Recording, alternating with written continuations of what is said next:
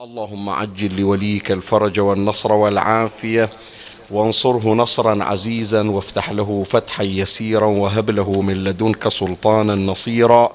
رب اشرح لي صدري ويسر لي أمري واحلل عقدة من لساني يفقه قولي. يا كاشف الكرب عن وجه أخيه الحسين اكشف كربي بجاه أخيك الحسين. نادي عليا مظهر العجائب تجده عونا لك في النوائب كل هم وغم سينجلي بولايتك يا علي. يا علي يا علي يا أبا الغوث أغثني. يا فارس الحجاز أدركني بلطفك الخفي ولا تهلكني. يا مولاتي يا فاطمة بنت محمد أغيثيني يا سيدتي. أعوذ بالله من الشيطان الرجيم. بسم الله الرحمن الرحيم.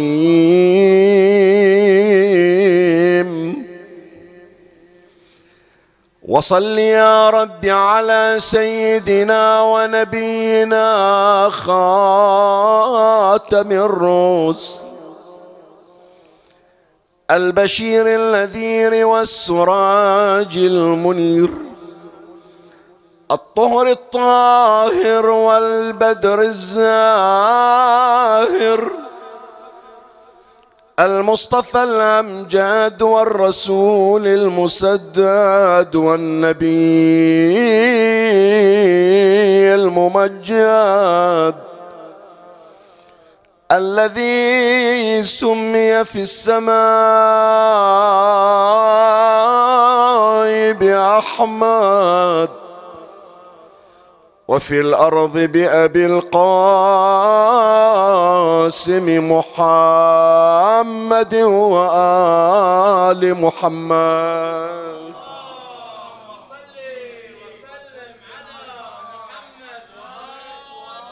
إن الله وملائكته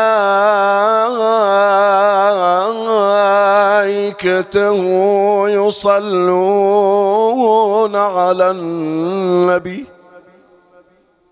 يا أيها الذين آمنوا صلوا عليه وسلموا تسليما صلوات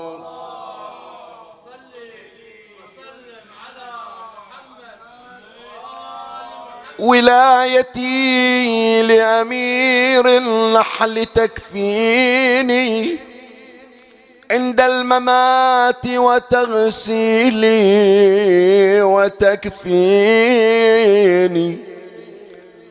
وطينتي عجنت من قبل تكويني بحب حيدر كيف النار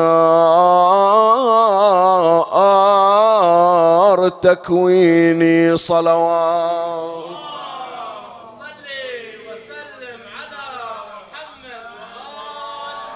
أبا حسن لو كان حبك مدخلي جهنم كان الفوز عندي جحيمها. وكيف يخاف النار من بات موقنا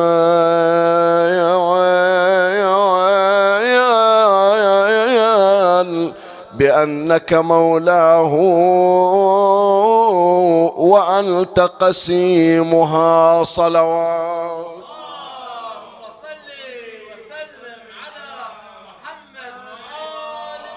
لي نفس قدس لسوى الرحمن ما عبدت. ولا إلى غير طه بالولا رغبت. فقلت لما بحب المرتضى علقت لا عذب الله أمي. إنها شربت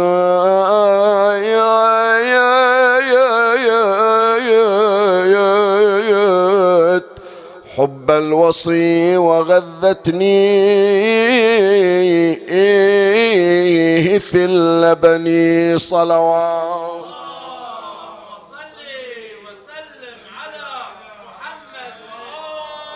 ولاؤه ولاؤه المنة العليا على المنان. الحمد لله على نعمة الولاية. اللهم زدنا محبة في عبدك علي بن أبي طالب. ولاؤه المنة العليا على المنن وأمره الحق في سر وفي علاني أمي به لقنتني وهي ترضعني وكان لي والد وكان لي والد يهوى أبا حسن. جزا والدينا الجنة ترحموا على آبائكم. اذكروهم في هذه الليلة فأنتم من أسباب نعمة الولاية عليكم. أبوان فاضلان لقناكم در ولبن الولاية. وكان لي والد وكان لي والد يهوى أبا حسن.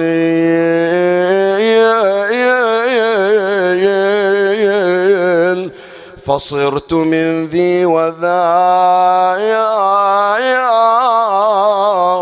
أهوى أبا حسن بأعلى الأصوات صلوات.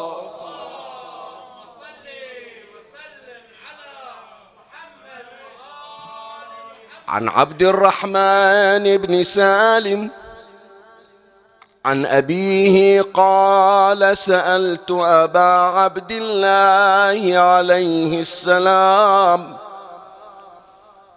هل للمسلمين عيد غير يوم الجمعة والأضحى والفطر؟ قال عليه السلام نعم أعظمها حرمة. قلت وأي عيد هو جعلت فداك. قال اليوم الذي نصب فيه رسول الله صلى الله عليه وآله أمير المؤمنين عليه السلام. وقال من كنت مولاه فعلي مولاه قلت وأي يوم هو؟ قال وما تصنع باليوم؟ إن السنة تدور. ولكنه يوم ثمانية عشر من ذي الحجة. فقلت وما ينبغي لنا أن نفعل في ذلك اليوم؟ قال تذكرون الله عز ذكره فيه بالصيام والعباده والذكر لمحمد وآل محمد. فإن رسول الله صلى الله عليه وآله أوصى أمير المؤمنين عليه السلام أن يتخذ ذلك اليوم عيدا. وكذلك كانت الأنبياء تفعل.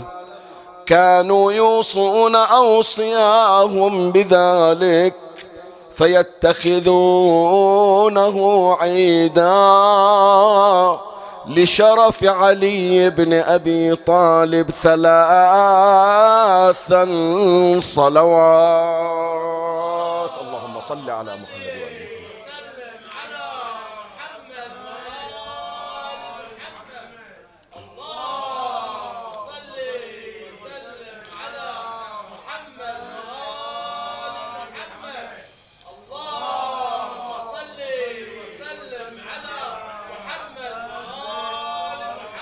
مناسبة عظيمة هي من أعظم المناسبات وتشير الروايات إلى أنه ما من نبي إلا واحتفل في مثل هذا اليوم. وما من نبي وله وصي إلا وعين وصيه ونصبه في مثل هذا اليوم. فهو يوم الأنبياء ويوم الأوصياء وتجلى بخاتم الأنبياء وسيد الأوصياء. فهذا اليوم وهذه المناسبة التي تعرف بمناسبة الغدير ويوم غد يسمى بيوم الغدير هو على وجه الدقة يوم تنصيب أمير المؤمنين سلام الله عليه. خلي هذا فقط من باب التوضيح. الناس خلاص انطبع في أذهانها انقدح في أذهانها الغدير مناسبة الغدير. وإنما هي المناسبة الفعلية تنصيب أمير المؤمنين سلام الله عليه ومبايعة علي بن أبي طالب عليه السلام خليفة بعد رسول الله بأمر من الله بلا فصل بينهما. وإنما سبب إطلاق عبارة الغدير نسبة إلى الموقع الذي جرى فيه حفل تنصيب أمير المؤمنين عليه السلام. فكأنما أنت مثلا تقول يوم يوم كربلاء. أنت ما لك شغل في كربلاء. لك شغل في شنو؟ مقتل الإمام الحسين عليه السلام. واقعة الطف الطف أرض كربلاء. ما لك شغل في الطف بما هي طف. لو لم يقتل فيها الحسين لو لم يقبر فيها الحسين عليه السلام ما لك شغل فيها. وإنما تأتي بذكر الظرف وتشير إلى المظروف. تأتي بذكر المكان وتقصد به صاحب المكان. فاحنا غرضنا هذا فقط من باب البيان والتوضيح في إطلالة هذا البحث. من يسمعون الليلة ليلة الغدير من يسمعون باكر يوم الغدير العيد عيد الغدير. انت ما لك شغل بالغدير بما هو غدير. وإنما غرضنا في مبايعة أمير المؤمنين سلام الله عليه والتولي لعلي بن أبي طالب عليه السلام. وإنما نحن نختزل هذه الحادثة ونختصرها بذكر ذلك الموضع. وذكر الموضع يشير إلى ما جرى في ذلك الموضع من حوادث. وما هو الغدير؟ وما هو موقع الغدير؟ وماذا جرى في الغدير؟ هذا إن شاء الله كله راح يمر علينا في طيات البحث. وإنما هذا فقط أعتبره كمدخل للحديث. فقط أريد أن أبين أن معنى الغدير حتى من نأتي إلى فصول البحث أولادنا بناتنا أطفالنا يعرفون معنى الغدير ما هو.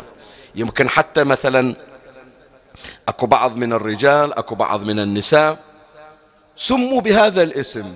فلان اسمه غدير فلانة اسمها غدير. يعني هذا الاسم ينطبق على الذكر والأنثى. فلما يسائلونهم مثلا غدير يعني شنو؟ خو يتذكر المناسبة. لكن من غير المناسبة ما هو الغدير؟ بعضهم ما يعرف. الغدير هو النهر الصغير. النهر الصغير حينما يجري الماء من النهر الكبير أو من سيل مثلا يطلق عليه غدير. وهناك موضع بل عدة مواضع كانت فيها السيول تجري فتسمى غدران. يعني الغدير مو واحد لا أكثر من غدير هناك. سموا بأسماء عدة. واختار النبي صلى الله عليه وآله موقعا فيه غدير أي فيه نهر صغير هذا هذا الموقع وهذه المنطقة تسمى بغدير خم. ليش سموها غدير خم؟ راح يمر إن شاء الله علينا في أثناء الكلام. بس تعرف أن معنى غدير شنو؟ النهر الصغير. والنهر طبيعي أنه الناس تجي إلى ليش؟ للانتهال منه للتزود منه. وغدير ولاية علي بن أبي طالب عليه السلام مليء بالخيرات والبركات التي لا تنتهي. فأنت شوف تروح إلى النهر الاعتيادي تأخذ منه مقدار حاجتك. وتكتفي عطشان تشرب قلاص ماي ترتوي. لكن من منا يرتوي من محبة علي بن أبي طالب؟ من منا يرتوي من ولاية علي بن أبي طالب؟ لا خلي الولاية وخلي المحبة. أنا أقول لك منو اليوم واحد الله يعطيه زيارة النجف الأشرف رزقنا الله وإياكم الوصول؟ ويبقى هناك مثلا خلنا نقول يومين ثلاثة شهر سنة ويقول خلاص شبعت واكتفيت من النجف. هل يمكن ذلك؟ يكتفون من المياه من الغدران المادية. إنما الغدير المعنوي الولائي غدير علي بن أبي طالب من ذاق رشفة من حب علي وولائه فإنه يزداد عطشا إلى علي بن أبي طالب عليه السلام. فإحنا حتى على الأقل تكون عندنا شيء من معارف الغدير من ثقافات الغدير. يعني أنا أتمنى هذه المناسبة ما تطلع ونتجاوزها فقط في الوقوف على الأهازيج والأناشيد وإن كان هذا مطلوب يفرحون لفرحنا. وحقك أنه أنت تستر بهذه النعمة. وهذه فرحة هذا تعبير عن الفرحة الداخلية. أنت الآن مو جاي تسوي شيء ملزم به ومرغم عليه. تماما مثل الأم من تفرح بتزويج ولدها. تتمنى أن تبذل كل ما لديها. ليش تقول هذا فرحة مخزونة في قلبي؟ أتمنى متى الله يبلغني. فأنت يجي هذا اليوم لتبدي للناس مقدار عشقك وحبك وولائك لأمير المؤمنين عليه السلام. فأنا أقول ما تلام لكن مع ذلك حاول أن لا تتجاوز هذه المناسبة. إلا وتتعرف على شيء على أقل التقادير ولو شيء بسيط مما لهذه الليلة ويوم غد وما فيها من الفضل العظيم عند الله عز وجل. وراح يمر علينا إن شاء الله في أثناء الكلام. ما أريد أن هذه الخيرات والبركات والآثار نتجاوز هذه المناسبة وما نطلع عليها فيما بعد ونبقى محرومين من فيوضاتها ومن عطائها. فلهذا فعلا أنا أوقفك في هذه الليلة على غدير علي بن أبي طالب. غدير المعرفة غدير الثقافة غدير البركة غدير الأسرار غدير الخيرات. وعلي هو أبو الخير وهو سر كل خير. فعنوان محاضرتي لهذه الليلة استراحات على ضفاف الغدير. يعني تصور نفسك شلون نهر الولاية يجري وأنت كل محلة كل استراحة كل منزل تروح تقعد وتاخذ شيء من آثار هذا الغدير. أمر معكم على استراحات أربع حول مناسبة غدير خم وتنصيب أمير المؤمنين عليه السلام. ومن الله أستمد العون والتوفيق ومن مولاي أبي الفضل العباس المدد وألتمس منكم الدعاء وثلاثا بأعلى الأصوات. صلوا على محمد وآل محمد.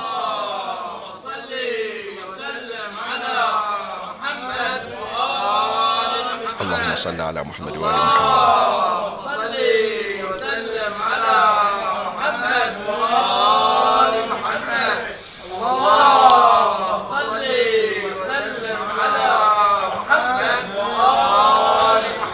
الاستراحة الأولى بعنوان عقائدية الغدير. وهذا اعتبر من أهم فصول البحث. كيف ننظر نحن الشيعة إلى مناسبة الغدير؟ وماذا نعتقد نحن كالشيعة إمامية أتكلم؟ الآن يمكن ويانا عبر البث الافتراضي هناك من إخوتنا من المذاهب الأخرى من الطوائف الأخرى لعل بعضهم أيضا من غير المسلمين. كما يمر علينا يعني من اللجنة الإعلامية. جزاهم الله خير. يشيرون إلى أن هناك من غير المسلمين من من يتابعون هذا البث الافتراضي. فإحنا الآن راح ننقل لهم ما نعتقده نحو الغدير. ذكرت لكم يا أحبتي وسأذكر إن شاء الله على نحو التفصيل أن مناسبة الغدير تحتوي على تنصيب رسول الله صلى الله عليه وآله لأمير المؤمنين عليه السلام خليفة من بعده. فإذا الغدير حادثة حادثة جرت. أما الآخرون من أقول الآخرون يعني غير الشيعة سواء كان من المسلمين أو من غير المسلمين. فإن بعضهم ينظر إلى قضية الغدير على أنها حدث تاريخي. حدث تاريخي مر مثل ما أنت جنابك تفتح كتب التاريخ الطبري الكامل لابن الأثير مروج الذهب للمسعودي غير هذه المصادر. يذكرون عدة من القضايا شلون من يذكرون قضية الفيل ومجيء أبرهة الحبشي لهدم الكعبة؟ وشلون من يذكرون حلف الفضول؟ وشلون من يذكرون قضايا تاريخية عدة؟ واحدة من الحوادث واحدة من القضايا قضية حادثة الغدير. النبي طالع من حجة الوداع آخر حجة لرسول الله صلى الله عليه وآله. وفي طريق عودته إلى المدينة توقف في هذا الموضع المعروف بغدير خم وعين علي بن أبي طالب عليه السلام خليفة من بعده. فينظرون إلى أنها مجرد حدث تاريخي. والحدث التاريخي ما يشكل أهمية فارقة عندهم. فلهذا إحنا من باب التوضيح أحيانا بعضهم يعرض هذا الكلام. يقول ليش أنتم الشيعة جدا متشددين في المسألة؟ خو قضية تاريخية. اعتقدت بها أو لم تعتقد بها؟ سيان شنو يهم يعني أنا اعتقدت بأن اللي بنى الهرم الأكبر خوفو أو منقرع أو غيره؟ شنو يهمني أنه أنا أعرف بأن فلان مثلا أمنحوتب الثالث أو فلان مثلا خلينا نقول حمورابي في العراق؟ هذه قضية تاريخية من باب الثقافة العامة. الذي لا يتعلمها ولا يطلع عليها لا يضره شيء. والذي يعرفها مجرد اكتسب معرفة ثقافية كما اكتسب معرفة ثقافية بسائر الحوادث التاريخية. انت من تدخل المدرسة ما يدرسونك تاريخ؟ هذا حال حال غير. حال واقعة الغدير حال الحرب العالمية الأولى الحرب العالمية الثانية الحروب اللي صارت وما ينظرون إليها أنها حدث تاريخي مجرد. لا علاقة للدين ولا علاقة للعقيدة به. البعض الآخر وهذا إنصافا البعض الآخر عنده ذكاء في المسألة يعرف بأن القضية مو مثل أي قضية تاريخية. القضية إلها ارتباط بالعقيدة بل هي العمود الفقري للعقيدة. فلهذا يقول ليش أنا أثبتها كواقعة تاريخية وباشر يطالبوني بالدلالة العقائدية فأنا أنكرها جملة وتفصيلا. من يجي تقول له قضية غدير خم يقول لك ماكو شيء اسمه غدير خم. أكو موضع. زين رسول الله توقف في هذا المكان؟ يقول إي نعم توقف. عين علي بن أبي طالب خليفة؟ يقول لا. ما عين علي بن أبي طالب. ف يحور ويدور حول المسألة. مرة يقول بأن النبي صلى الله عليه وآله نعى نفسه في خطبة اللي يعبرون عنها بخطبة حجة الوداع. النبي نعى نفسه وقال لهم بأنه يوشك إني, إني يوشك أن أدعى فأجيب. وأمر بالتمسك بالقرآن والسنة وبين الحلال والحرام وانتهت. زين وعلي بن أبي طالب قال ما إلى علاقة. أو اللي يجي يذكر علي بن أبي طالب مثلا يقول فقط عرف بأنه ابن عمه فيتحدث عن معنى من كنت مولاه ويحاول يحور القضية. فما ينكر فبعضهم ينكر أصل القضية وبعضهم يذكر, يذكر ويثبت جزءا وينكر الجزء الآخر. ليش؟ لأنه لما نجيب للقضية بتفاصيلها قلت لك الطالبة بالدلالة العقائدية. أما نحن الشيعة لا. إحنا ما ننظر إلى المسألة مجرد حدث تاريخي بالإمكان إلغاؤه وإنما نعتبر المسألة عقائدية. شلون جنابك انت تعتقد بأن الله واحد لا شريك له؟ شلون تعتقد بنبوة, بنبوة النبي المرسل صلى الله عليه وآله؟ شلون تعتقد بالوحي؟ شلون تعتقد بالقرآن؟ شلون تعتقد بالمعراج؟ أنت تعتقد بولاية علي بن أبي طالب عليه السلام. ما يصير أنا أقول أن النبي راح إلى غار حراء ونزل عليه جبرائيل وهذا مجرد حدث تاريخي بإمكاني أن ألغيه. ما يصير أقول بأن النبي يوم الله قال بأنه ترى البارحة جاني براق ورحت إلى بيت المقدس. هذا مجرد حدث تاريخي بإمكاني أن ألغيه. لا حدث عقائدي تطالب به.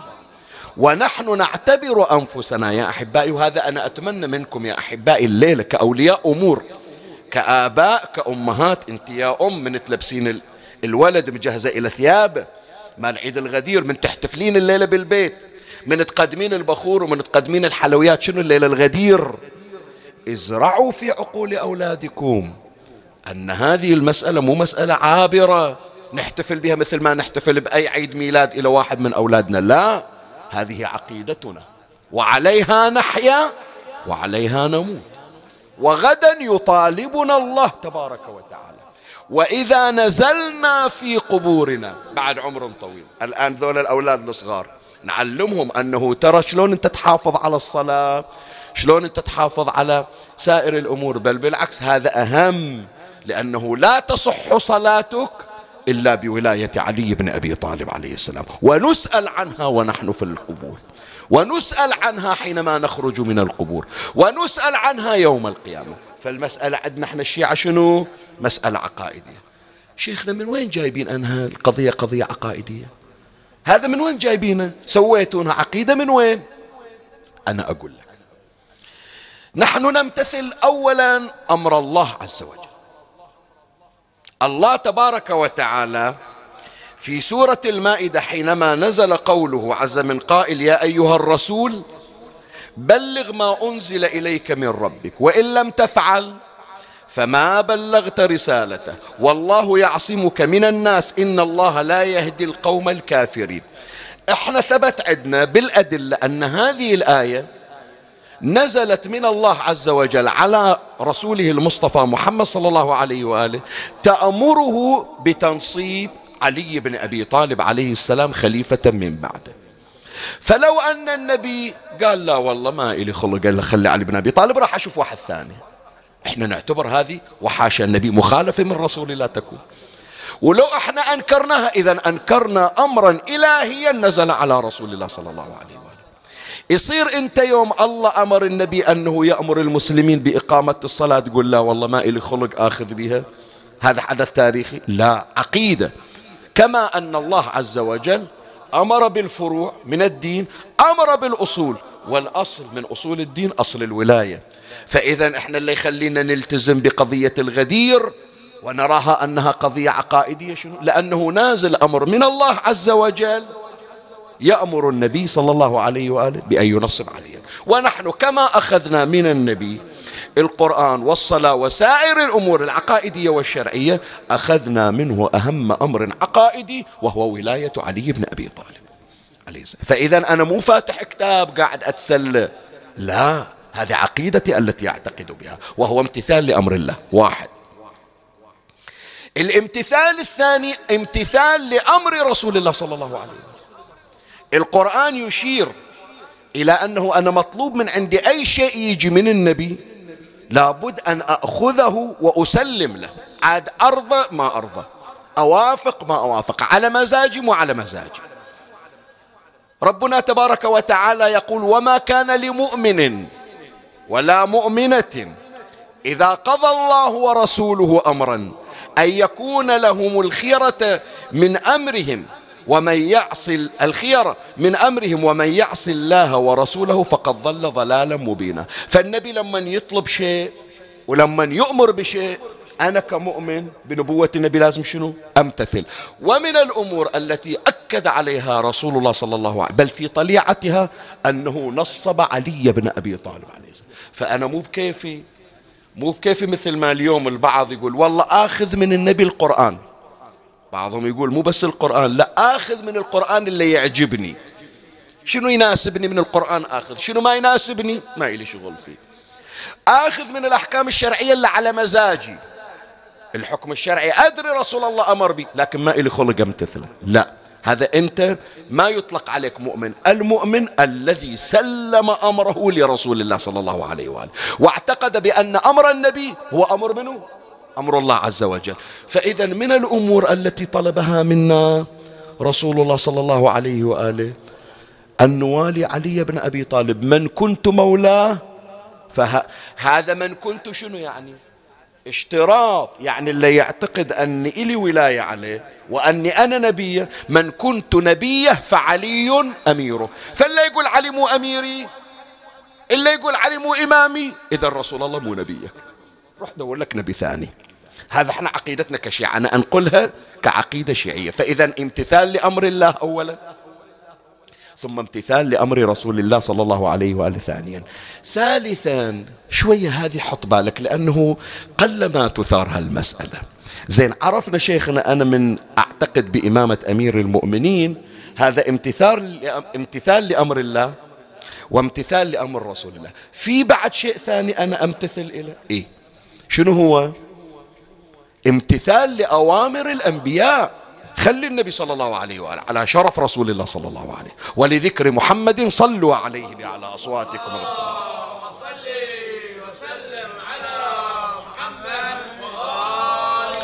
بس لما إحنا نجي إلى قضية الغدير بعيدا عن رسول الله صلى الله عليه وآله نحن نمتثل لأوامر كل الأنبياء. من لدن آدم حتى الوصول للخاتم وهو المصطفى صلى الله عليه وآله. شيخنا شو العلاقة؟ إبراهيم الخليل شو العلاقة؟ إسماعيل شجابه عيسى موسى شجابهم آدم راح نوح راح جابه؟ شو العلاقة بالغدير؟ إي نعم. لأن الغرض يا إخواني من نبوة الأنبياء شنو؟ الغرض أنه تكون الكرة الأرضية كلها بل الكون موروثة لعباد الله المؤمنين. يعني يطبق الإيمان كل الكرة الأرضية. هذا اللي القرآن يشير إليه. ونريد أن نمن على الذين استضعفوا في وين؟ في الأرض ونجعلهم أئمة ونجعلهم الوارثين. فآدم نوح إدريس إبراهيم إسماعيل يعقوب يوسف لوط أيوب شعيب عيسى موسى كلهم إجوا ليش؟ حتى الإيمان بالله يطبق الكرة الأرضية. إلى أن وصل الأمر إلى النبي صلى الله عليه وآله. زين يوم وصل الأمر إلى النبي. هل صار هناك تمكين للإيمان بالله على كل الكرة الأرضية؟ لولا في أماكن دون أماكن أخرى. النبي صلى الله عليه وآله ما تمكن من بالصورة الظاهرة وإلا ولايته. طبعا نافذة على الكون بما فيه. لكن بالشكل الظاهري النبي بعد ما وصل إلى الحكومة العالمية. فلو قال النبي خلاص مهمة انتهت بطلنا عم انتهينا. بكيفكم اللي تريدون تسوونه؟ بكيفكم. في أمان الله. لا إذا شغل الأنبياء تعطل. شغل الأنبياء كل أنه لازم الحكومة الدينية تملأ الكرة الأرضية. وكل نبي يسلم الأمر إلى النبي الآتي النبي اللاحق. ليش؟ حتى يقوم بهذا المشروع. أن الكرة الأرضية تكون كلها تحت حكم الله تبارك وتعالى ويمكن للمؤمنين. فالآن آخر الأنبياء محمد صلى الله عليه وآله. لكن المشروع بعد ما استوى. فالذي يقوم بالمشروع منه هو؟ يملأ الأرض قسطا وعدلا كما ملئت ظلما وجورا. الحكومة حكومة آدم حكومة إبراهيم حكومة إدريس حكومة الأنبياء كلهم يقيمها من هو؟ إمامنا صاحب الزمان. إمامنا صاحب الزمان شلون يقيم هذه الحكومة من غير تأسيس للإمامة؟ فلو أن النبي قال خلاص أنا ماشي بكيفكم مثل ما يقولون البعض. الأمر اختياري إليكم أنتم إلا تريدونه سووا. فإذا لن يأتي إمام يملأ الأرض قسطا وعدلا. وبالتالي تعطلت مشاريع الأنبياء بأسرهم. فلهذا شوف القرآن يقول وإن لم تفعل فما شنو؟ فما بلغت يعني أنت مهمة 120 ألف نبي ورسول مناط بك أن تنصب علي بن أبي وإذا نصب قد واحد يقول شيخنا زين علي بن أبي طالب يوم ولا إجا ما ملأ الأرض قسط إيه هو جاي يحط خط للإمامة يأسس للإمامة. ويأتي الأئمة من بعده حتى يأتي خاتم الأئمة وهو القائم من آل بيت محمد. عجل الله.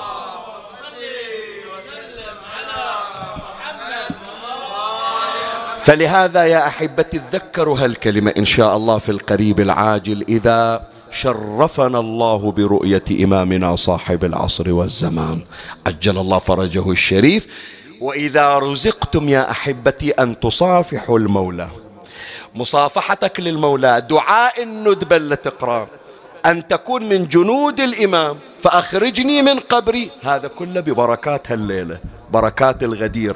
الليلة نبينا صلى الله عليه وآله يرتب الأمر مع علي للتمهيد لظهور إمامنا الحجة بن الحسن عجل الله فرجه الشريف. هذه الاستراحة الأولى قد تجاوزناها بينت لك عقائدية الغدير. حتى تعرف الليلة شقد ليلة مهمة ما يصير أتجاوزها من غير الوقوف على هذه الجوانب لأن هذا غذاء عقائدي نتغذى به. ونغذي أبناءنا وأجيالنا عليه. زين خلي أجي وياك الآن شوية. ألطف الجو عليكم. يعني الليلة لا ننسى بعد. إضافة إلى كونها ليلة عقائدية. الليلة هذه ليلة استجابة الدعاء. الليلة ليلة قضاء الحوائج. الليلة شلون عندك ليلة النص من شعبان ليلة القدر؟ تجعلها للتعبد الليلة وباكر. هذه الليلة يكون تحضر نفسك. خلي نشوف عظمة هذه المناسبة ليلة الغدير ويوم الغدير. شقد عظمة عظيمة هذه المناسبة عند الله. فإذا الاستراحة الثانية الغدير في الروايات الشريفة. أولا خلي أبين لك باكر شنو من يوم مميز. يختلف عن أي يوم من أيام السنة من يصير عندك روزنام إحنا نسميه كالندر بالبحرين. وعندك الأوراق. من واحد محرم إلى ثلاثين ذو الحجة. تمر على هي الأوراق كلها. فيها ليالي وفيها أوراق مهمة. النص من شعبان مهم القدر مهم عاشر محرم مهم تسعة ذو الحجة مهم. لكن أهم ورقة تمر عليك ورقة باكر 18 ذو الحجة. هذا مو كلام شيخ ياسين؟ لا. الإمام سلام الله عليه يقول خلنا نشوف الرواية عن الإمام الرضا عليه السلام التي تبين فضل يوم غد يوم الغدير. يقول الإمام الرضا عليه السلام والله لو عرف الناس فضل هذا اليوم يعني باكر لو عرف الناس فضل هذا اليوم بحقيقته لصافحتهم الملائكة في كل يوم عشر مرات. أعيد الكلمة. وحط بالك فيها لأن فيها أسرار راح أمر عليها. والله لو عرف الناس فضل هذا اليوم بحقيقته لصافحتهم الملائكة في كل يوم عشر مرات. ولولا هذه يقول جايب شيء عين الإمام الرضا يقول عين عاطنكم حتى أبين لكم شقد باكر عظيم. ولولا أني أكره التطويل لذكرت من فضل هذا اليوم وما أعطاه الله من عرفه ما لا يحصى أبدا. أو قال ما لا يحصى بعدد. زين الغريب يا إخواني ليلة عاشر من المحرم. وفي ليلة النص من شهر شعبان من آثار زيارة الحسين أن الملائكة تصافح زوار الحسين. حتى عندنا في النص من شعبان من سره أن يصافحه مئة, و... مئة ألف نبي وعشرون ألف نبي فليزر الحسين. بس المصافحة كم مرة؟ مرة. إذا حصلت رتبة مصافحة الملائكة مرة. باكر الملائكة كم مرة؟ عشر مرة. يعني يصافحونك وما يكتفون يردون ينزلون لك بموكب آخر تصافحك الملائكة. وماذا يعني مصافحة الملائكة؟ حطوا بالكم يا أحبائي فكروا فيها الليلة. الملائكة من ماذا هم مخلوقون؟ من نور. فإذا صافحك النوراني صرت نورانيا. الحالة النورانية تكسبها بمصافحة الملائكة. فلهذا ليش حديث الكساء حديث نوراني؟ ما ذكر خبرنا هذا في محفل من محافل أهل الأرض وفيه جمع من شيعتنا ومحبينا إلا ونزلت عليهم الرحمة واستغفرت لهم الملائكة إلى أن يتفرقوا. يعني صرنا نورانيين ببركة حديث الكساء. جوانب نورانية كثيرة. باكر يوم النورانية. من تجي الملائكة الصافحك إذا عندك ذاك البعيد ظلمة من الذنوب. ظلمة من تلبس الشيطان من نزعات الشيطان من أخلاق الشيطان. تجي الملائكة تطهرك. تصير نوراني. زين المفروض تحصلها مرة واحدة.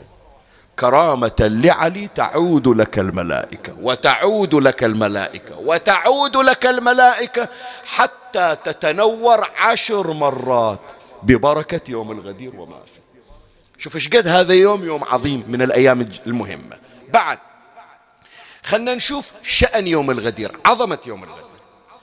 الحديث عن الإمام الصادق عليه السلام قال أعظم الأعياد إذا تتذكرون المحاضرة مال ليلة العيد ليلة النحر بينت لك أنا يوم عيد الأضحى قد عظيم عند الله. بس الإمام يقول أعظم من عيد الأضحى أي عيد؟ باكر. يقول أعظم الأعياد وأشرفها يوم الثامن عشر من شهر ذي الحجة. الآن بعضهم يقول شيخنا إيش دعوة؟ عيد الفطر عيد الصيام عيد الأضحى عيد الحاج. بس هذا عيد الولاية بالولاية ثبت الحج والصوم. ذيلاك العيدين ذيلاك العيدين عيد الفطر عيد الأضحى عيد فروع. عيد شنو؟ فروع. الصوم فرع له أصل فرع من فروع الإسلام العشرة. الحاج فرع له أصل فرع من أصول الإسلام العشرة. ولاية علي بن أبي طالب. أصل. به قام الدين فلهذا صار عيد علي عيد تنصيب علي عيد الولاية لعلي أشرف الأعياد كما يقول الإمام سلام الله عليه أعيدها أعظم الأعياد الإمام الصادق أعظم الأعياد وأشرفها يوم الثامن عشر من شهر ذي الحجة وهو اليوم الذي أقام فيه رسول الله صلى الله عليه وآله أمير المؤمنين عليه السلام ونصبه للناس علما. في رواية أخرى سأل المفضل الإمام الصادق عليه السلام عن يوم الغدير. اسمع الرواية حط بالك حتى تعرف باكر لا تفوتها على نفسك. قال ما يجب المفضل يسأل الإمام الصادق ما يجب علينا في ذلك اليوم؟ الآن يسألون شيخ ياسين باكر شو نسوي؟ المفضل يسأل الإمام الصادق ما يجب علينا في ذلك اليوم؟ قال عليه السلام يجب عليكم صيامه. شكرا لله. وحمدا له مع أنه أهل أن يشكر كل ساعة. يعني شنو؟ شكر الله حمد الله هذا عام لطيلة أيام السنة. بس باكر شكر خاص. شكر على نعمة الولاية. مع أنه أهل أن يشكر كل ساعة وكذلك أمرت الأنبياء أو أمرت الأنبياء أوصياءها أن يصوموا اليوم الذي يقام فيه الوصي يتخذونه عيدا ومن صامه اسمع ومن صامه كان أفضل من عمل ستين سنة. أي أيوة والله باكر هذا. تخيل أنت جنابك عمرك ستين سبعين سنة. كل سنة تروح الحج كل سنة توفق للمستحبات. ما مرت ليلة إلا صليت صلاة الليل. باكر تعطى من الأجر والثواب ما يتعبد فيه العابد ستين سنة بأسره. قد يوم عظيم. زين هذا للبعض يقول هذا العيد مال الشيعة. لا إحنا كما أخبرنا أئمتنا مو بس إحنا الشيعة لا. كل نبي ويا أوصياء ويا شيعته يأمرهم مثل يوم غد أن يحيوا ذلك اليوم. ليش؟ لأنه تحضير وتهيئة لتنصيب أمير المؤمنين علي بن أبي طالب عليه السلام. زين حتى نتجاوز هذه الاستراحة الثانية. باكر شو نسوي؟ أعمال يوم غد. خلي أمر وياك سريعا عليها حتى ما أطيل أكثر. أعمال يوم الغد. أولا الصيام باكر. ليش يميز باكر الصيام عن غيره؟ عادة من تصوم أي يوم يقول لك كأنه يعدل مثلا عبادة ستين سنة سبعين سنة. باكر إذا صمت يوم الغدير شو تحصل؟ يعدل صيام الدهر. في الروايات. شنو يعني صيام الدهر؟ يعني شيخنا أنا عمري مثلا ثمانين سنة كني صايم ثمانين سنة؟ لا أنت ثمانين سنة.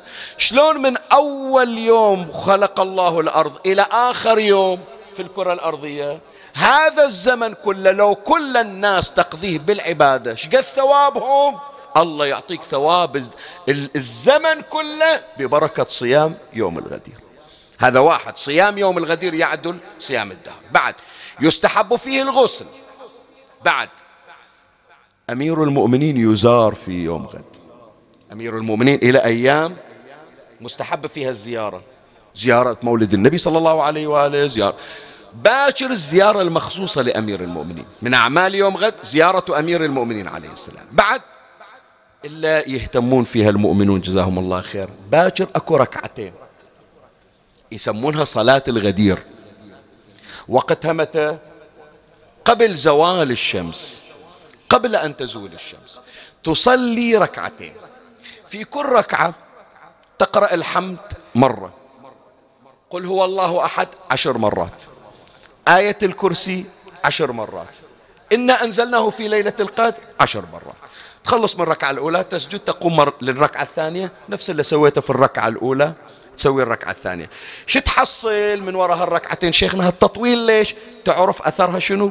في الروايات يعطيك الله على هذه الصلاة ثواب مئة ألف حجة ومئة ألف عمرة وتقضى لك حوائج الدنيا والآخرة.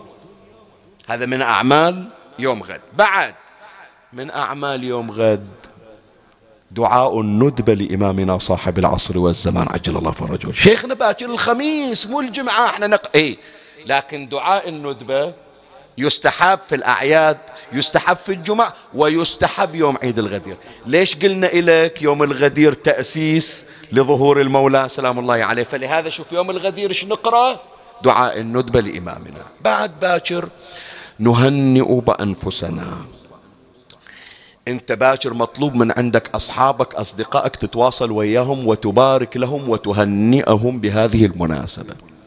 شيخنا صار لي مدة ما سولفت يا أستحي من عنده. لا هذا عمل. تستحي باكر تقوم تصلي تستحي باكر تقوم تغتسل تستحي باكر الصوم. هذا واحد من الأعمال المستحبة.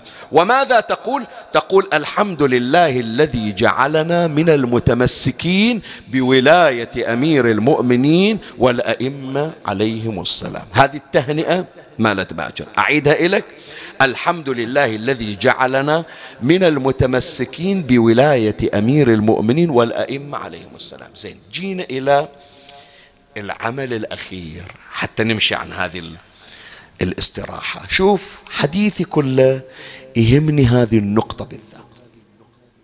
باكر من الأعمال يا أحبائي شيء يسمونه المعاهدة. شنو المعاهدة؟ معاهدة شنو؟ المعاهدة يا أحبائي إذا لقيت شخصا تتفق معه وتتعاهدان مو الآن على يوم القيامة. أنه إذا واحد من عندكم من أهل الجنة وإن شاء الله كلنا من أهل الجنة لا ندخل إلى الجنة إلا ونحن مع بعض. شوف الرواية اللي موجودة باكر من نلقى يذكرها صاحب آه، مستدرك الوسائل الشيخ النوري. إذا لقي المؤمن أخاه يصافحه وشوف حتى المصافحة مو والله من بعيد أو أدز له مسج لا. البيعة الرسمية كبيعتك لعلي بن أبي طالب. يعني سبحان الله من الأسرار يا أحبائي من الأسرار. حتى تعرفون هذا بحث أنا عرضت في ما مضى من الأيام. قيمة الشيعي قيمة المؤمن. تدري لما يصير عندك هذا المرتكز؟ شنو من قيمة لك أنت أيها الموالي؟ عند الله وعند النبي وعند أهل البيت. هذا أي خلاف أتصور دنيوي يذوب. أقول منو أنا حتى أقدم مصلحتي ومنفعتي الذاتية على شخص إلى قد حتى لو كان مخطئ. مو معنى هذا بأنه يمضي في خطأ إيه صحح خطأ لأن إلى مقام. شلون إذا واحد مثلا ابن وزير أو كذا يصدر من عنده خطأ أنت تحترم الوزير لكن الوزير حاسب ابنه دير بالك. ترى هذا المنصب اللي عندي منصب مو تشريفي منصب تكليفي. لا تشوه المنصب. فاللي ينتسب إلى أهل البيت يدير باله على منصب انتمائه إلى أهل البيت. مو معنى هذا أنه نتمادى. أتمنى هذه الملاحظة يكون واضحة. بس أنا لما أجي إلى المؤمن باكر أحط إيدي بإيده كأني وضعت يدي في يد علي بن أبي طالب. أي والله هكذا عندنا يعني في الروايات. أن تصافح أخاك وتصفق بيدك على يده صفقة البيعة. شلون من تجي تستلم الحجر الأسود؟ في الروايات عندنا انك كأنما تستلم يد الله. الله ما إلى يد. لكن هذه خلاها نموذج. الآن علي بن أبي طالب في النجف مدفون.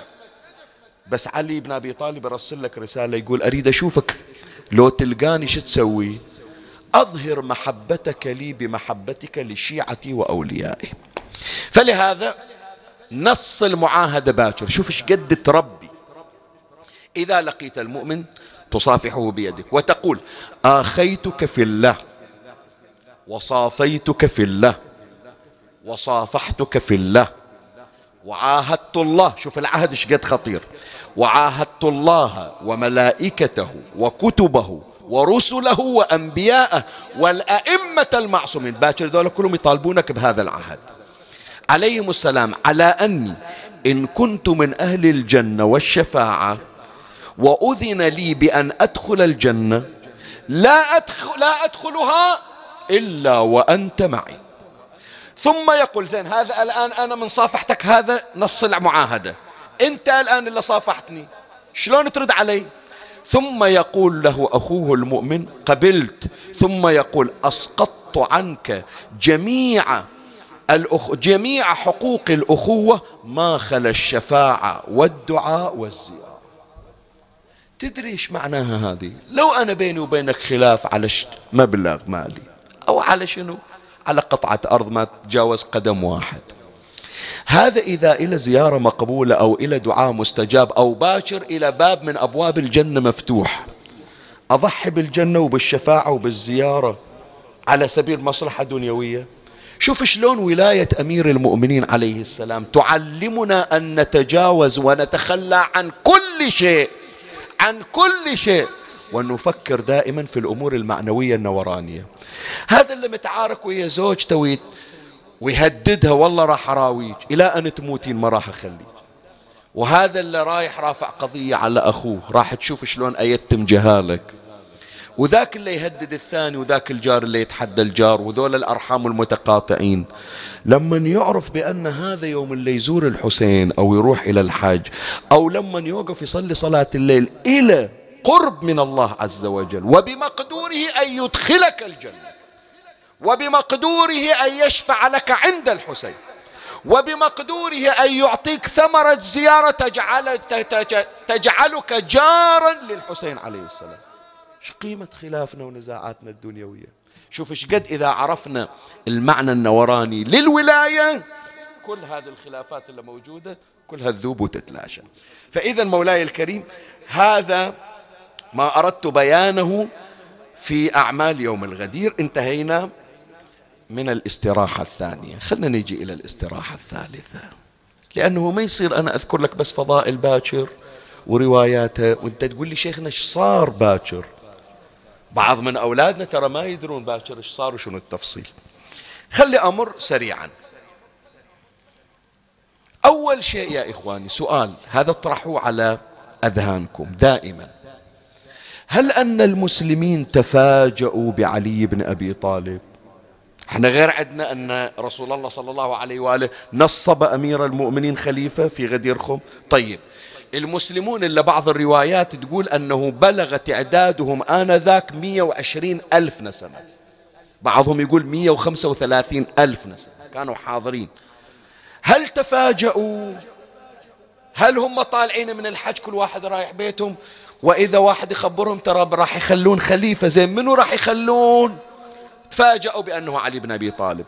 هل هذا الأمر متصور؟ لو لا يدرون بأن علي بن أبي طالب هو خليفة رسول الله وينتظرون التعيين الرسمي. الآن فلان يعرفونه ولي عهد بس الملك موجود. يدرون بأنه إذا راح الملك هذا ابنه راح يصير ملك محله الآن مو ملك بس يعرفون فلان. الأمر يا إخواني كذلك. يعلمون بأن عليا هو خليفة رسول الله. من وين؟ تدري من متى؟ أنا أقول من أول يوم أعلن فيه الإسلام. أول يوم أعلن فيه الإسلام بشكل رسمي اللي يسمونه حديث الدار معروف عند كل المسلمين. يسمون بعضهم حديث الإنذار وأنذر عشيرتك الأقربين. وهذه تفصيلها إن شاء الله يمكن أوفق في بعض المجالس لأن فيها قضية توسع في القضية وكرامات. بس النبي صلى الله عليه وآله يوم عرض الإسلام على قريش وعلى الموجودين سألهم منو يصير وزيري على هذا الأمر؟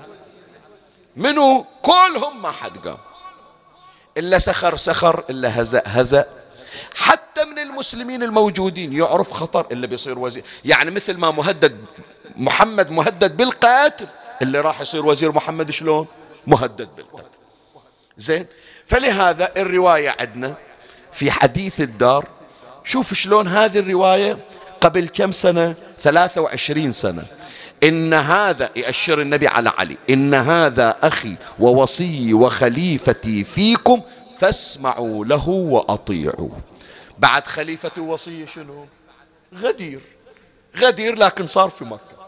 فإذا من ذاك اليوم المسلمون يعلمون أنه من يوم صار الإسلام الإنذار والصدع بالرسالة بعد ثلاث سنوات من الدعوة الأولى أو البعثة يعرفون بأن هذا محمد النبي ووصي محمد منه هو؟ علي بن أبي طالب. زين بعد الآن هي يعرفونه. أكو شيء غريب أنا ما متعرض إليه من قبل. أمير المؤمنين سلام الله عليه في غزوة من غزوات النبي ما طلع وياه. يسمونها غزوة تبوك. النبي طلع إلى الغزوة ويا المسلمين وخلى علي بن أبي طالب في المدينة. قال له أنت تبقى في المدينة. ليش؟ أنا دائما سباق. أنا صاحب بدر أنا صاحب أحود أنا صاحب الأحزاب أنا صاحب خيبار أنا صاحب حنين. أنا لا فتى إلا علي لا سيف إلا ذو الفقار. الآن شلون تخليني أثار قضية إبقاء أمير المؤمنين في تبوك ليش؟ تحضير إلى الغدير. هي كلها سنة واحدة أو أقل في نفس السنة تقريبا. تحضير للغدير. فلهذا هناك حديث يسمونه حديث المنزلة. خلي أذكر لك. لأن الناس قاموا يحجون يقول شوف لو كان علي يمثل شيء عند رسول الله كان طلع وياه. بس خلاه في المدينة ما إلى شغل فيه. فإجن أمير المؤمنين إلى النبي. مو ما يدري يدري بس يريد يبين الغرض اللي يترتب عليه الغدير. قال له يا رسول الله الناس تحكي ليش مخليني في المدينة؟ فقال النبي هذه الكلمة هذا الحديث الشهير. أما ترضى أن تكون مني بمنزلة هارون من موسى.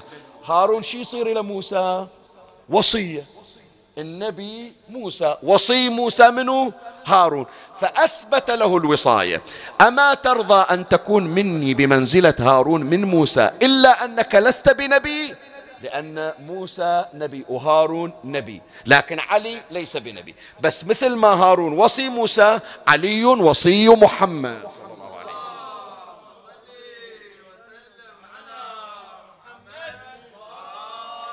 أما ترضى أن تكون مني بمنزلة هارون من موسى إلا أنك لست بنبي؟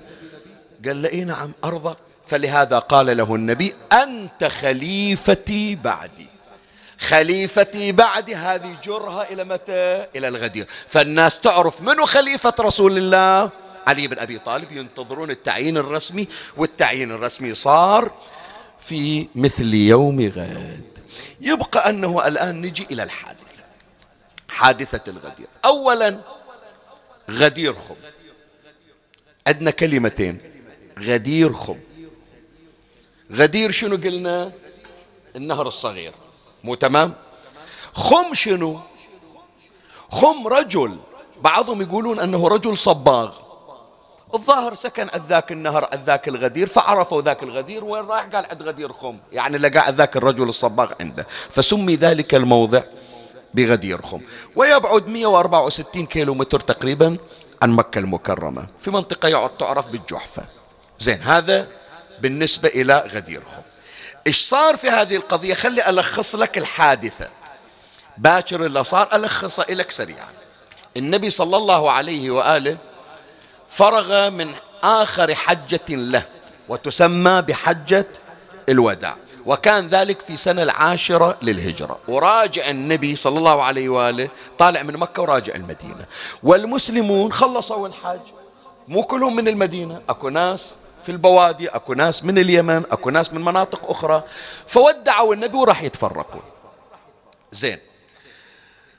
في أثناء الرجوع يأمر رسول الله صلى الله عليه وآله بأن كل المسلمين يجتمعون في هذا المكان اللي سميناه غدير شنو؟ غدير خم. اللي تقدم رد ارجع. اللي يمشي على راحته بسرعة تعال. ونقطة الالتقاء في وين؟ في غدير خم. 164 كيلو متر عن مكة المكرمة. زين. وصلوا لغدير خم؟ النبي يأمر يأمر بتجهيز مسرح. إحنا نجيبها تجوزا. انت من تريد تسوي مسرح حتى تلقي خطاب لازم تهيئ المكان. مو تمام؟ المكان هناك مو مهيئ لاستقبال 120 ألف. فأمر النبي بكنس المكان بترتيب المكان إذا أكو أحجار إذا أكو شيء تجهزونه كله هذه أوامر من النبي صلى الله عليه وسلم. زين بعد الآن تسوون لي منصة لأني أريد أخطب. قاموا جابوا حدوج الإبل اللي مخلين الكرسي أو اللي يعبرون عنه بالكور كور الناقة يحطونه يصفونه على شكل أعتاب ثم يجيبون البرد اللي عنده بشت اللي عنده كذا يخليه فوق هذا يصير مثل المنبر. ويجتمعون لسماع خطبة النبي صلى الله عليه وسلم. يأمر النبي صلى الله عليه وآله المسلمين بأن يستمعوا للخطبة. ويخطب النبي في المسلمين. الخطبة الطويلة إيش تحتوي؟ أولا النبي خبرهم ترى أنا ما بقى من حياتي إلا الشيء القليل. وبالفعل ذو الحجة محرم صفار فارق النبي الحياة. فالنبي خبرهم ترى أنا ماشي عنكم. بعد خبرهم النبي بالحلال والحرام. لا يجي واحد يقول عندي حلال جديد ولا يجي واحد يقول عندي حرام جديد. حلال حلال محمد حلال إلى يوم القيامة وحرامه حرام. خلاص انتهينا. اليوم أكملت لكم دينكم. بعد خبرهم بفضائل أمير المؤمنين علي بن أبي طالب. بعد أعلن بأن علي بن أبي طالب هو الخليفة من بعده. من كنت مولاه فهذا علي مولاه أو قال فعلي مولاه. فإذا لو واحد قال لا والله علي مو مولاي ما أريده. إذا رسول الله ليس لك بنبي. هذا معنى كلام النبي. بعد أمرهم النبي ببيعة إلزامية. بيعة إلزامية. ما يتم إيمانكم حتى تبايعوا عليا بإمرة المؤمنين. بعد النبي دعا لعلي ودعا للموالين لعلي ودعا لمبغض على مبغضي علي. أما دعوته لعلي وأدر الحق معه حيثما دار فعلي مع الحق والحق مع علي. زين الدعوة إلى أن أتباع علي. من كنت مولاه فهذا علي مولاه اللهم والي من والاه. فإذا أنت من تتمسك بعلي بن أبي طالب؟ الله وياك مثل ما الله ويا علي بن أبي طالب. زين اللي يقرر أنه يبغض علي بن أبي طالب وعادي من عاده فدعوة كل شخص يخلي نفسه من اليوم أنه راح يصير عدو لعلي يترقب بحرب من الله. وكل شخص يتمسك بمنهج علي بن أبي طالب فليعتقد بأن الله معه كما أن الله مع علي بن أبي طالب. هذا ملخص ما جرى في واقعة الغدير أو في حادثة الغدير. زين عقب الغدير إيش صار يا جماعة؟ هذا الليلة لازم تحطون في بالكم. الليلة لازم هذه تخلونها في بالكم. عقب الغدير هذا باكر يعني احكي من 19 ذو الحجة خلص الغدير باكر انتهى. والنبي رجع والمسلمون كل من راح بيتهم. احسب جنابك. باكر كم في الشهر؟ 18 إلى 18 محرم كم صار؟ شهر. إلى 18 صفر كم صار؟ شهرين. إلى 28 شهرين وعشرة أيام إلى وقت أخذ حق علي بن أبي طالب. هالفترة بقية ذو الحجة محرم كله صفر كله ربيع. الخليفة الرسمي بعد رسول الله من هو؟ ما حد عنده اختلاف. صار الانقلاب متى؟ عقب. فإذا ثلاثة أشهر من بعد حج رسول الله إذا الناس إجوا يا جماعة من ولي العهد؟ من الخليفة؟ من الوصي؟ أحد يقول غير علي. كل المسلمين يجمعون على أن الخليفة بعد رسول الله منه علي بن أبي طالب. وهذا الليلة اللي أريدكم حتى أهل الذوق وكلكم أهل ذوق فكروا في هالكلمات اللي حافظينها من يوم إحنا صغار. أكو خطبة لأمير المؤمنين عليه السلام في كتاب نهج البلاغة يسمونها الخطبة الشقشقية. ما مر عليكم؟ أما والله لقد تقمصها فلان وهو يعلم أن محلي منها محل القطب من الرحى ينحدر عني السيل ولا يرقى إلي الطير. فس... إلى آخرها. أمير المؤمنين عند كلمة يقول متى اعترض الريب في حتى صرت أقرا إلى هذه النظائر؟ هذه الكلمة متى اعترض الريب فيها؟ لو واحد قال والله إحنا ما ثبت عندنا بأنك خليفة. أصلا منو قال بأنك أنت خليفة؟ إلا اليوم طلعوا وقالوا ترى رسول الله ما يريد يقول علي يعني خليفتي. لا كأنما أمير المؤمنين يتحدى يقول أتحدى واحد يقول بأنه مو ثابت عندي بأن علي خليفة. فإذا أمر قطعي بأن علي خليفة وهذا دليل. متى اعترض الريب فيه؟ لو واحد قال والله أنا أشك أنك أنت خليفة. لا ولا واحد قدر ينكر. وهذه من البراهين. بعد خلي قضية اللي أدركوا حادثة الغدير. أكو ناس ما أدركوا حادثة الغدير. احتج عليهم أمير المؤمنين. لما قال محمد النبي أخي وصهري وحمزة سيد الشهداء عمي وجعفر الذي يضحي ويمسي يطير مع الملائكة ابن أمي وسيدة النساء سكني وعرسي منوط لحمها بدمي ولحمي سبقتكم إلى الإسلام طرا. صغيرا ما بلغت مقرا بالنبي في بطن أمي وصليت الصلاة وكنت طفلا. صغيرا ما بلغت أوان حلمي وأوجب لي ولايته. عليكم رسول الله يوم غدير خمي. فويل ثم ويل ثم ويل لجاحد طاعتي من غير جرمي كان إلا معارضين علي بن أبي طالب قال لا منو قال بأنه ما يقدرون ينكروا. وهذه من احتجاجات أمير المؤمنين سلام الله عليه. زين هذه خلصناها. الآن شوية ريح لأني راح آخذك إلى شيء يثلج صدرك. وهذا كله يثلج الصدر. الحديث في روايات أهل البيت وفضائل أمير المؤمنين سلام الله عليه كلها تثلج الصدر. بس أنا أدري الليلة إلا طلبوا من عندنا ما ننساهم بالحوائج. إلا طلبوا من عندنا أنه نذكرهم عندهم مرضى بعضهم في العناية القصوى وبعضهم عنده أمراض. وكل صاحب حاجة وكل محروم وكل من له طلب وغاية. الاستراحة الرابعة بركات الغدير. الغدير يا إخواني بركة. الغدير يعني ولاية علي. وولاية علي بركة. وإذا عندك حاجة فقط أنت أقسم على الله بولايتك لعلي. اسمعوا إيش أقول لكم؟ هذا المفتاح هذا ال password هذا ال key مالكم. لكل صاحب حاجة اللي يقول شيخنا صار لي مدة وأنا أطلب الحاجة. الليلة خلي اعتقادك بولايتك لعلي بن أبي طالب يتضاعف ويزداد واقسم على الله عز وجل بولاية أمير المؤمنين.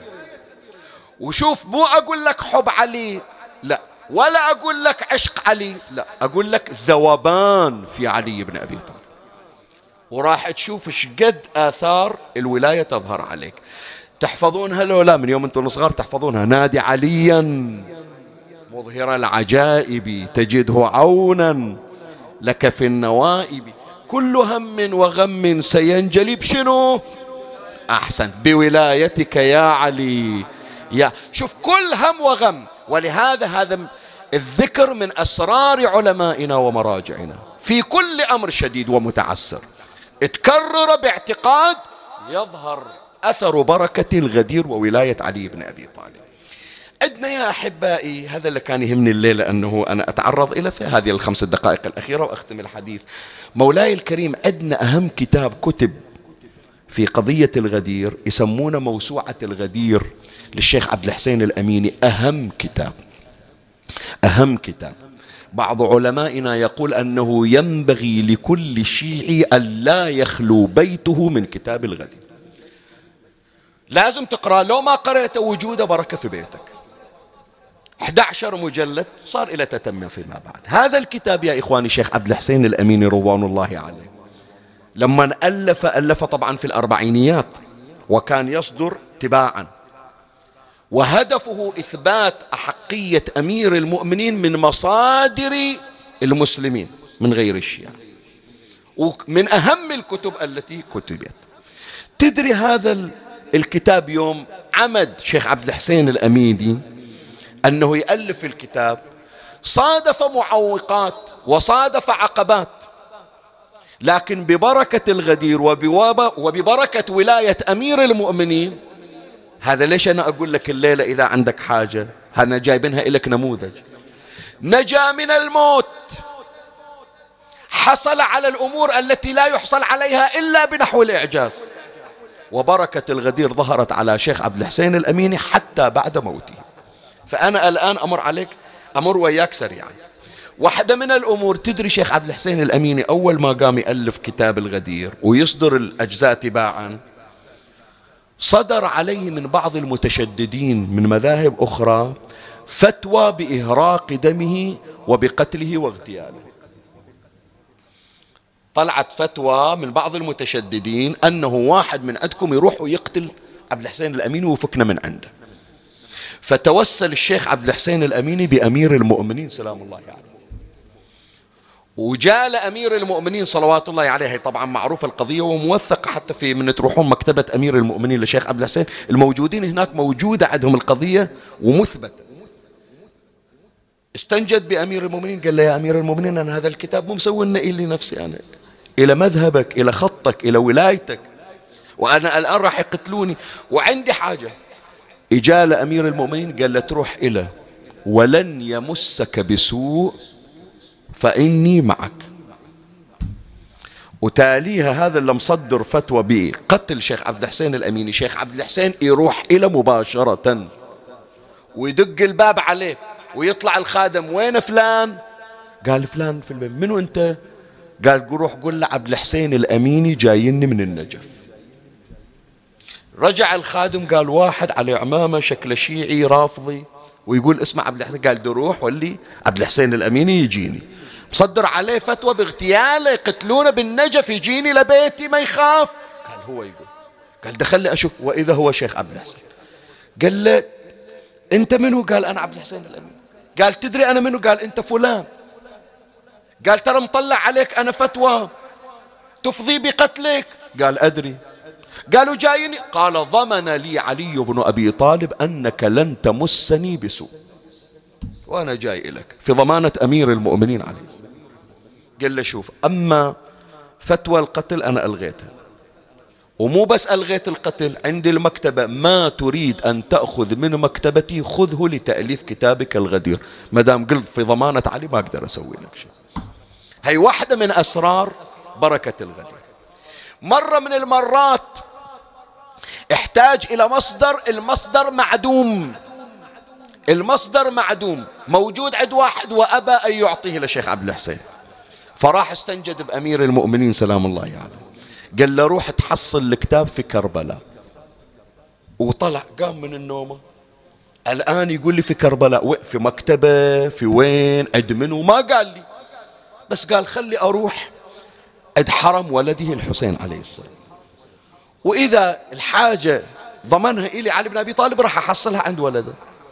فإجا إلى حرم الإمام الحسين عليه السلام. وكان ذلك صبيحة ذلك اليوم فجر بعده وظل واقف خلص زيارة وصلاة ووقف. شلون الكتاب يجيني؟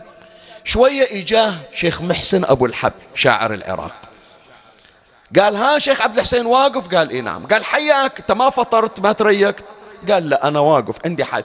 قال تعال والحاجة تحصلها. قال مو أخاف الحاجة تجي وأنا مؤمن قال تعال أنت غير أمير المؤمنين ضامنها إليك؟ بتجيك لا تخاف. فإجا شيخ عبد الحسين ويا شيخ محسن أبو الحب. وإذا الكتاب اللي صار له مدة يدورة في مكتبة شيخ محسن. قال له الكتاب وشبه معدوم وضمن لي علي وهكذا قال لأمير المؤمنين. شيخ محسن أبو الحب جر الكتاب وكتب عليه. هدية مني إلى الشيخ عبد الحسين الأميني نيابة عن سيدي ومولاي علي بن أبي طالب ليقبلني عنده. تفضل الكتاب برسم الخدمة. شوف بركات الغدير شقد تفتح لك؟ بركات وآثار في قضاء الحوائج المتعسرة زين وما بعد الموت؟ شو يا حبيبي الليلة أعرني سمعك فرغ لي قلبك أقبل علي بكلك. القصة اللي أذكرها لك الآن أنقلها إليك بواسطة واحدة. صاحب القضية يمكن بعضكم سامع عنه يمكن أكثركم ما سامع عنه. يسمونه آية الله شيخ محمد طاهر الخاقاني. شيخ محمد طاهر الخاقاني إجانا بالسبعينات عندنا بالبحرين. شيخ محمد طاهر الخاقاني رحمة الله عليه ينقل القضية إلى أستاذي شيخ أحمد مال الله خطيب معروف بالبحرين ويعرفون المناطق المجاورة. هو أستاذي وهو ينقل لي من من لسان شيخ محمد طاهر مباشرة. فإذا الواسطة كم واحد؟ واحد بس أنقلها عنكم بواسطة واحدة. والقضية أيضا معروفة. عند مكتبة أمير المؤمنين للشيخ عبد الحسين وذكرها حج حسين الشاكري في كتابه ربع قرن مع العلامة الأميني. يا ريت تحصلون هذا الكتاب لأنه جدا في قضايا مهمة. شيخ محمد طاهر الخاقاني اسمعني إيش أقول لك. شيخ محمد طاهر الخاقاني يقول ليلة من الليالي رأيت في عالم النوم كأني في المحشر والقيامة قد قامت. والناس يهرعون وأنا أركض وياهم. وقد أصابنا عطش شديد. إجينا نسأل شفنا الملائكة قلنا يا جماعة عطشانين ونريد نشرب ماي. هذا كله بالرؤية هو شيخ محمد طاهر ينقل. فقالوا إلى الملائكة قال شيخنا إذا تريد الماي الماي تشربه من نهر الكوثر من عند رسول الله صلى الله عليه وسلم. فيقول كلنا إحنا رحنا إلى نهر الكوثر وإذا رسول الله صلى الله عليه وآله جالس عند رأس النهر. زين. إجيت إلى قلت له يا رسول الله أنا خادمكم محمد طاهر. قال إيه نعرفك. أنت من فقهاء الشيعة وأنت من خدامنا. قال مولاي ترى عطشان وأنا جاي أشرب ماي. قال إيه ما يخالف. بس الماي تاخذه بكف الساقي. قال منو الساقي؟ قال علي بن أبي طالب. هل يمنعني وهو الساقي أن أشرب من ماء الكوثر؟ هذا علي بن أبي طالب وهو الساقي على الحوض فتروح هو يعطيك الماء وتشرب منه شربة لا تظمأ بعدها أبدا. فيقول شيخ محمد طاهر في الرؤيا إجيت إلى أمير المؤمنين قلت له سيدي عطشان وجاي أشرب ماي ووصلت إلى رسول الله وقال أنت ساقي؟ قال إيه تدلل. لكن اليوم مو أنا الساقي. قال له ليش مو انت ساقي الكوثر؟ قال إيه. بس اليوم خلينا السقاية على يد خادمنا عبد الحسين الأميني. فيقول التفت وإذا شيخ عبد الحسين الأميني واقف يم أمير المؤمنين وهو يسقي الناس من غدير علي بن أبي طالب في المحشر. يقول قمت من النوم قريب الفجر. هالرؤية؟ شنو القضية؟ هالشوفة؟ شنو تعبيرها؟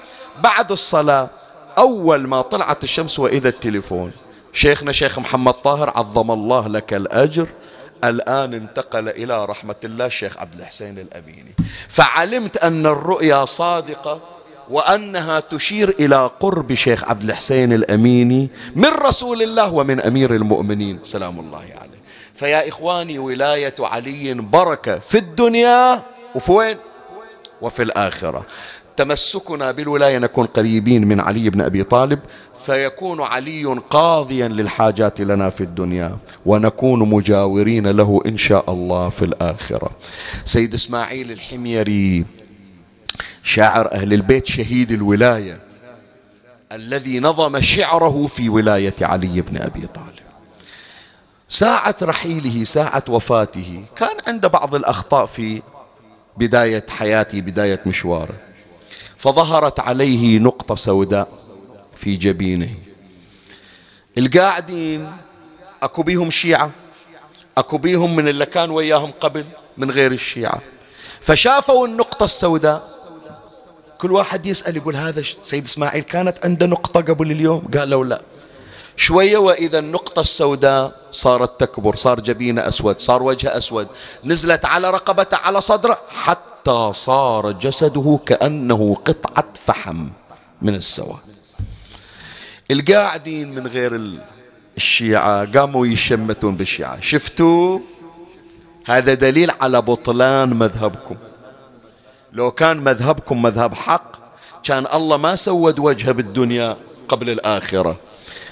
اتعظوا اخذوها دارس. الله يراويكم مثل ما راواه. شوفوا يوم انحراف وصار مثلكم رافضي. وهو سيد إسماعيل يسمع. فلما سمع الشماتة فتح عينيه. قال وجهوني إلى جهة النجف. فروا فراشي ديروا صوب النجف. حولوا الفراش إلى جهة النجف. قال أجلسوني. أجلسوا. صار يلوح بسبابته نحو علي بن أبي طالب. قال يا أمير المؤمنين أهكذا تفعلون بمواليكم ومحبيكم عند الشدائد؟ أبو حسين مذخرينك للشدة. تاليها ولائي وتمسكي تخذلوني في أصعب لحظات حياتي. رجعوني على الفراش. قال هالكلمة أهكذا تفعلون بمحبيكم ومواليكم وشيعتكم في وقت الشدائد ثم أرجع رأسه إلى الفراش. من قال الكلمة؟ وإذا نقطة بيضاء. صارت تكبر. صار جبينه كل أبيض ويشع منه نور. ابيض وجهه ابيض عنقه ابيض بدنه. صار كأنه أبيض من الثلج. فتح عينه. قال هذه آخر أبيات لسيد إسماعيل الحميري. قال كذب الزاعمون أن عليا لا ينجي محبه من هناته. اللي يقولون علي خلينا. لا والله علي ما يخلينا. شفت ليش أنا جبت هذه القضية في ختام مجلسي؟ حتى إذا عندك شدة عندك حاجة عندك أمر متعسر صار لك مدة الليلة تزيد من رصيدك في حب علي. كذب الزاعمون أن عليا لا ينجي محبه من هناتي. قد وربي دخلت جنة عدن. ومحال الإله عن سيئاتي.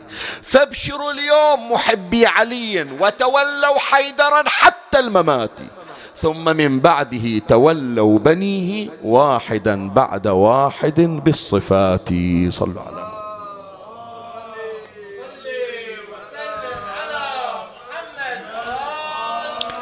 اللهم ثبتنا على ولاية علي بن أبي طالب. اللهم زدنا في محبة علي بن أبي طالب. اللهم ارزقنا رؤية وجه علي بن أبي طالب.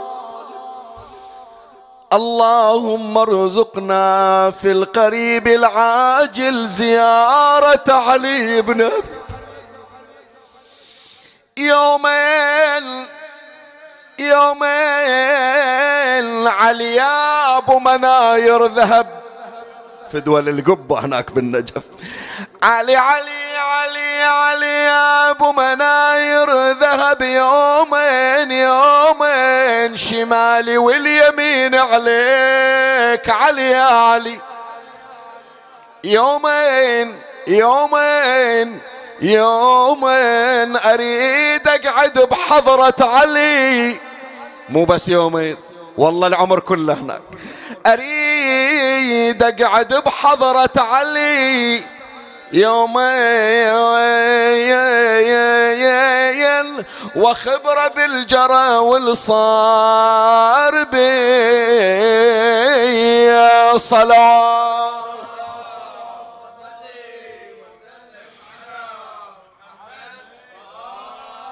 علي العالي عليك العالي علي العالي من الرب. علي ما نصبك منصوب لكن بالنصب نصب. علي تاج العرش بيدك. علي العلمت جبريل. اسمك نزل بالتوراة وزبور وصحف وإنجيل. يا آية على كل آية مثل شمس الضحى على الليل. يا المزهر تمام التم وبسابع سما شوشب علي يا شوشب خبر مسند إلك تحت العرش مسند. لو لكن فنى الإسلام لا عابد ولا معبد. لا سارت سفينة نوح لا سلد الإسكندر ساد وآدم من عصا وبعد باسمك يا علي تقرب صلوات.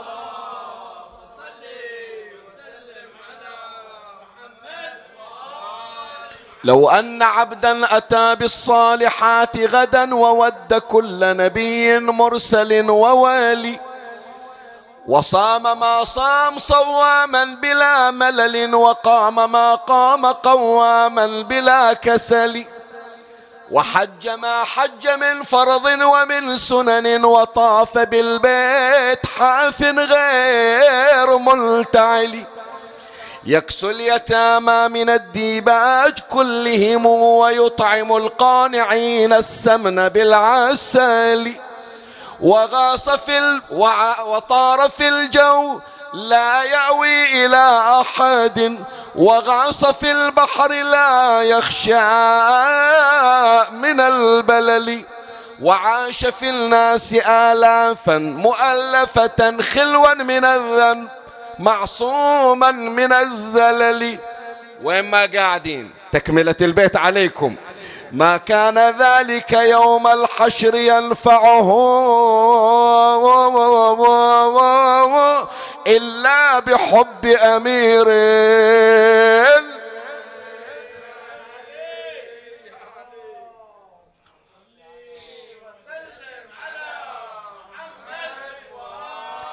يا من أنكر من آيات أبي حسن ما لا ينكر. إن كنت لجهلك بالأيام نكرت مقام أبي شبر فاسأل بدرا واسأل أحدا وسل الأحزاب وسل خيبر. من هد حصون الشرك ومن شاد الإسلام ومن عمر. قاسوك أبا حسن بسواك وهل بالطود يقاس الذر أنا ساووك بمن ناووك وهل ساووا نعلي قنبر هل يمنعني وهو الساقي أن أشرب من ماء الكوثر أو يطردني عن مائدة وضعت للقانع والمعتر هذا آخر بيت نختم مجلسنا سمعني صوتك سودت صحيفة أعمالي ووكلت الأمر إلى حيدار أفضل الصلاة. يلا. إيه؟